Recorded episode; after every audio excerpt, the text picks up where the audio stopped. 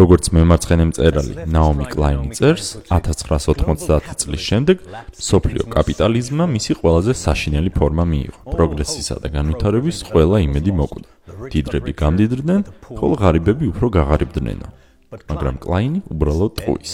მისგან განსხვავებით, ეს არაჩვეულებრივი მწერალი თავის ბოლო წიგნში ამტკიცებს. კაცობრიობის ისტორიაში ჯერ არ ყოფილა ისეთი ეკონომიკური და სოციალური პროგრესი, როგორც 1990 წლის შემდეგ გვაქვს.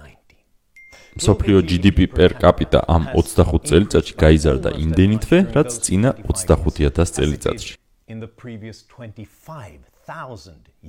სოფლიო მოსახლეობაში უკიდურესი სიღატაკე 37%-დან 10%-ზე ჩამოვიდა.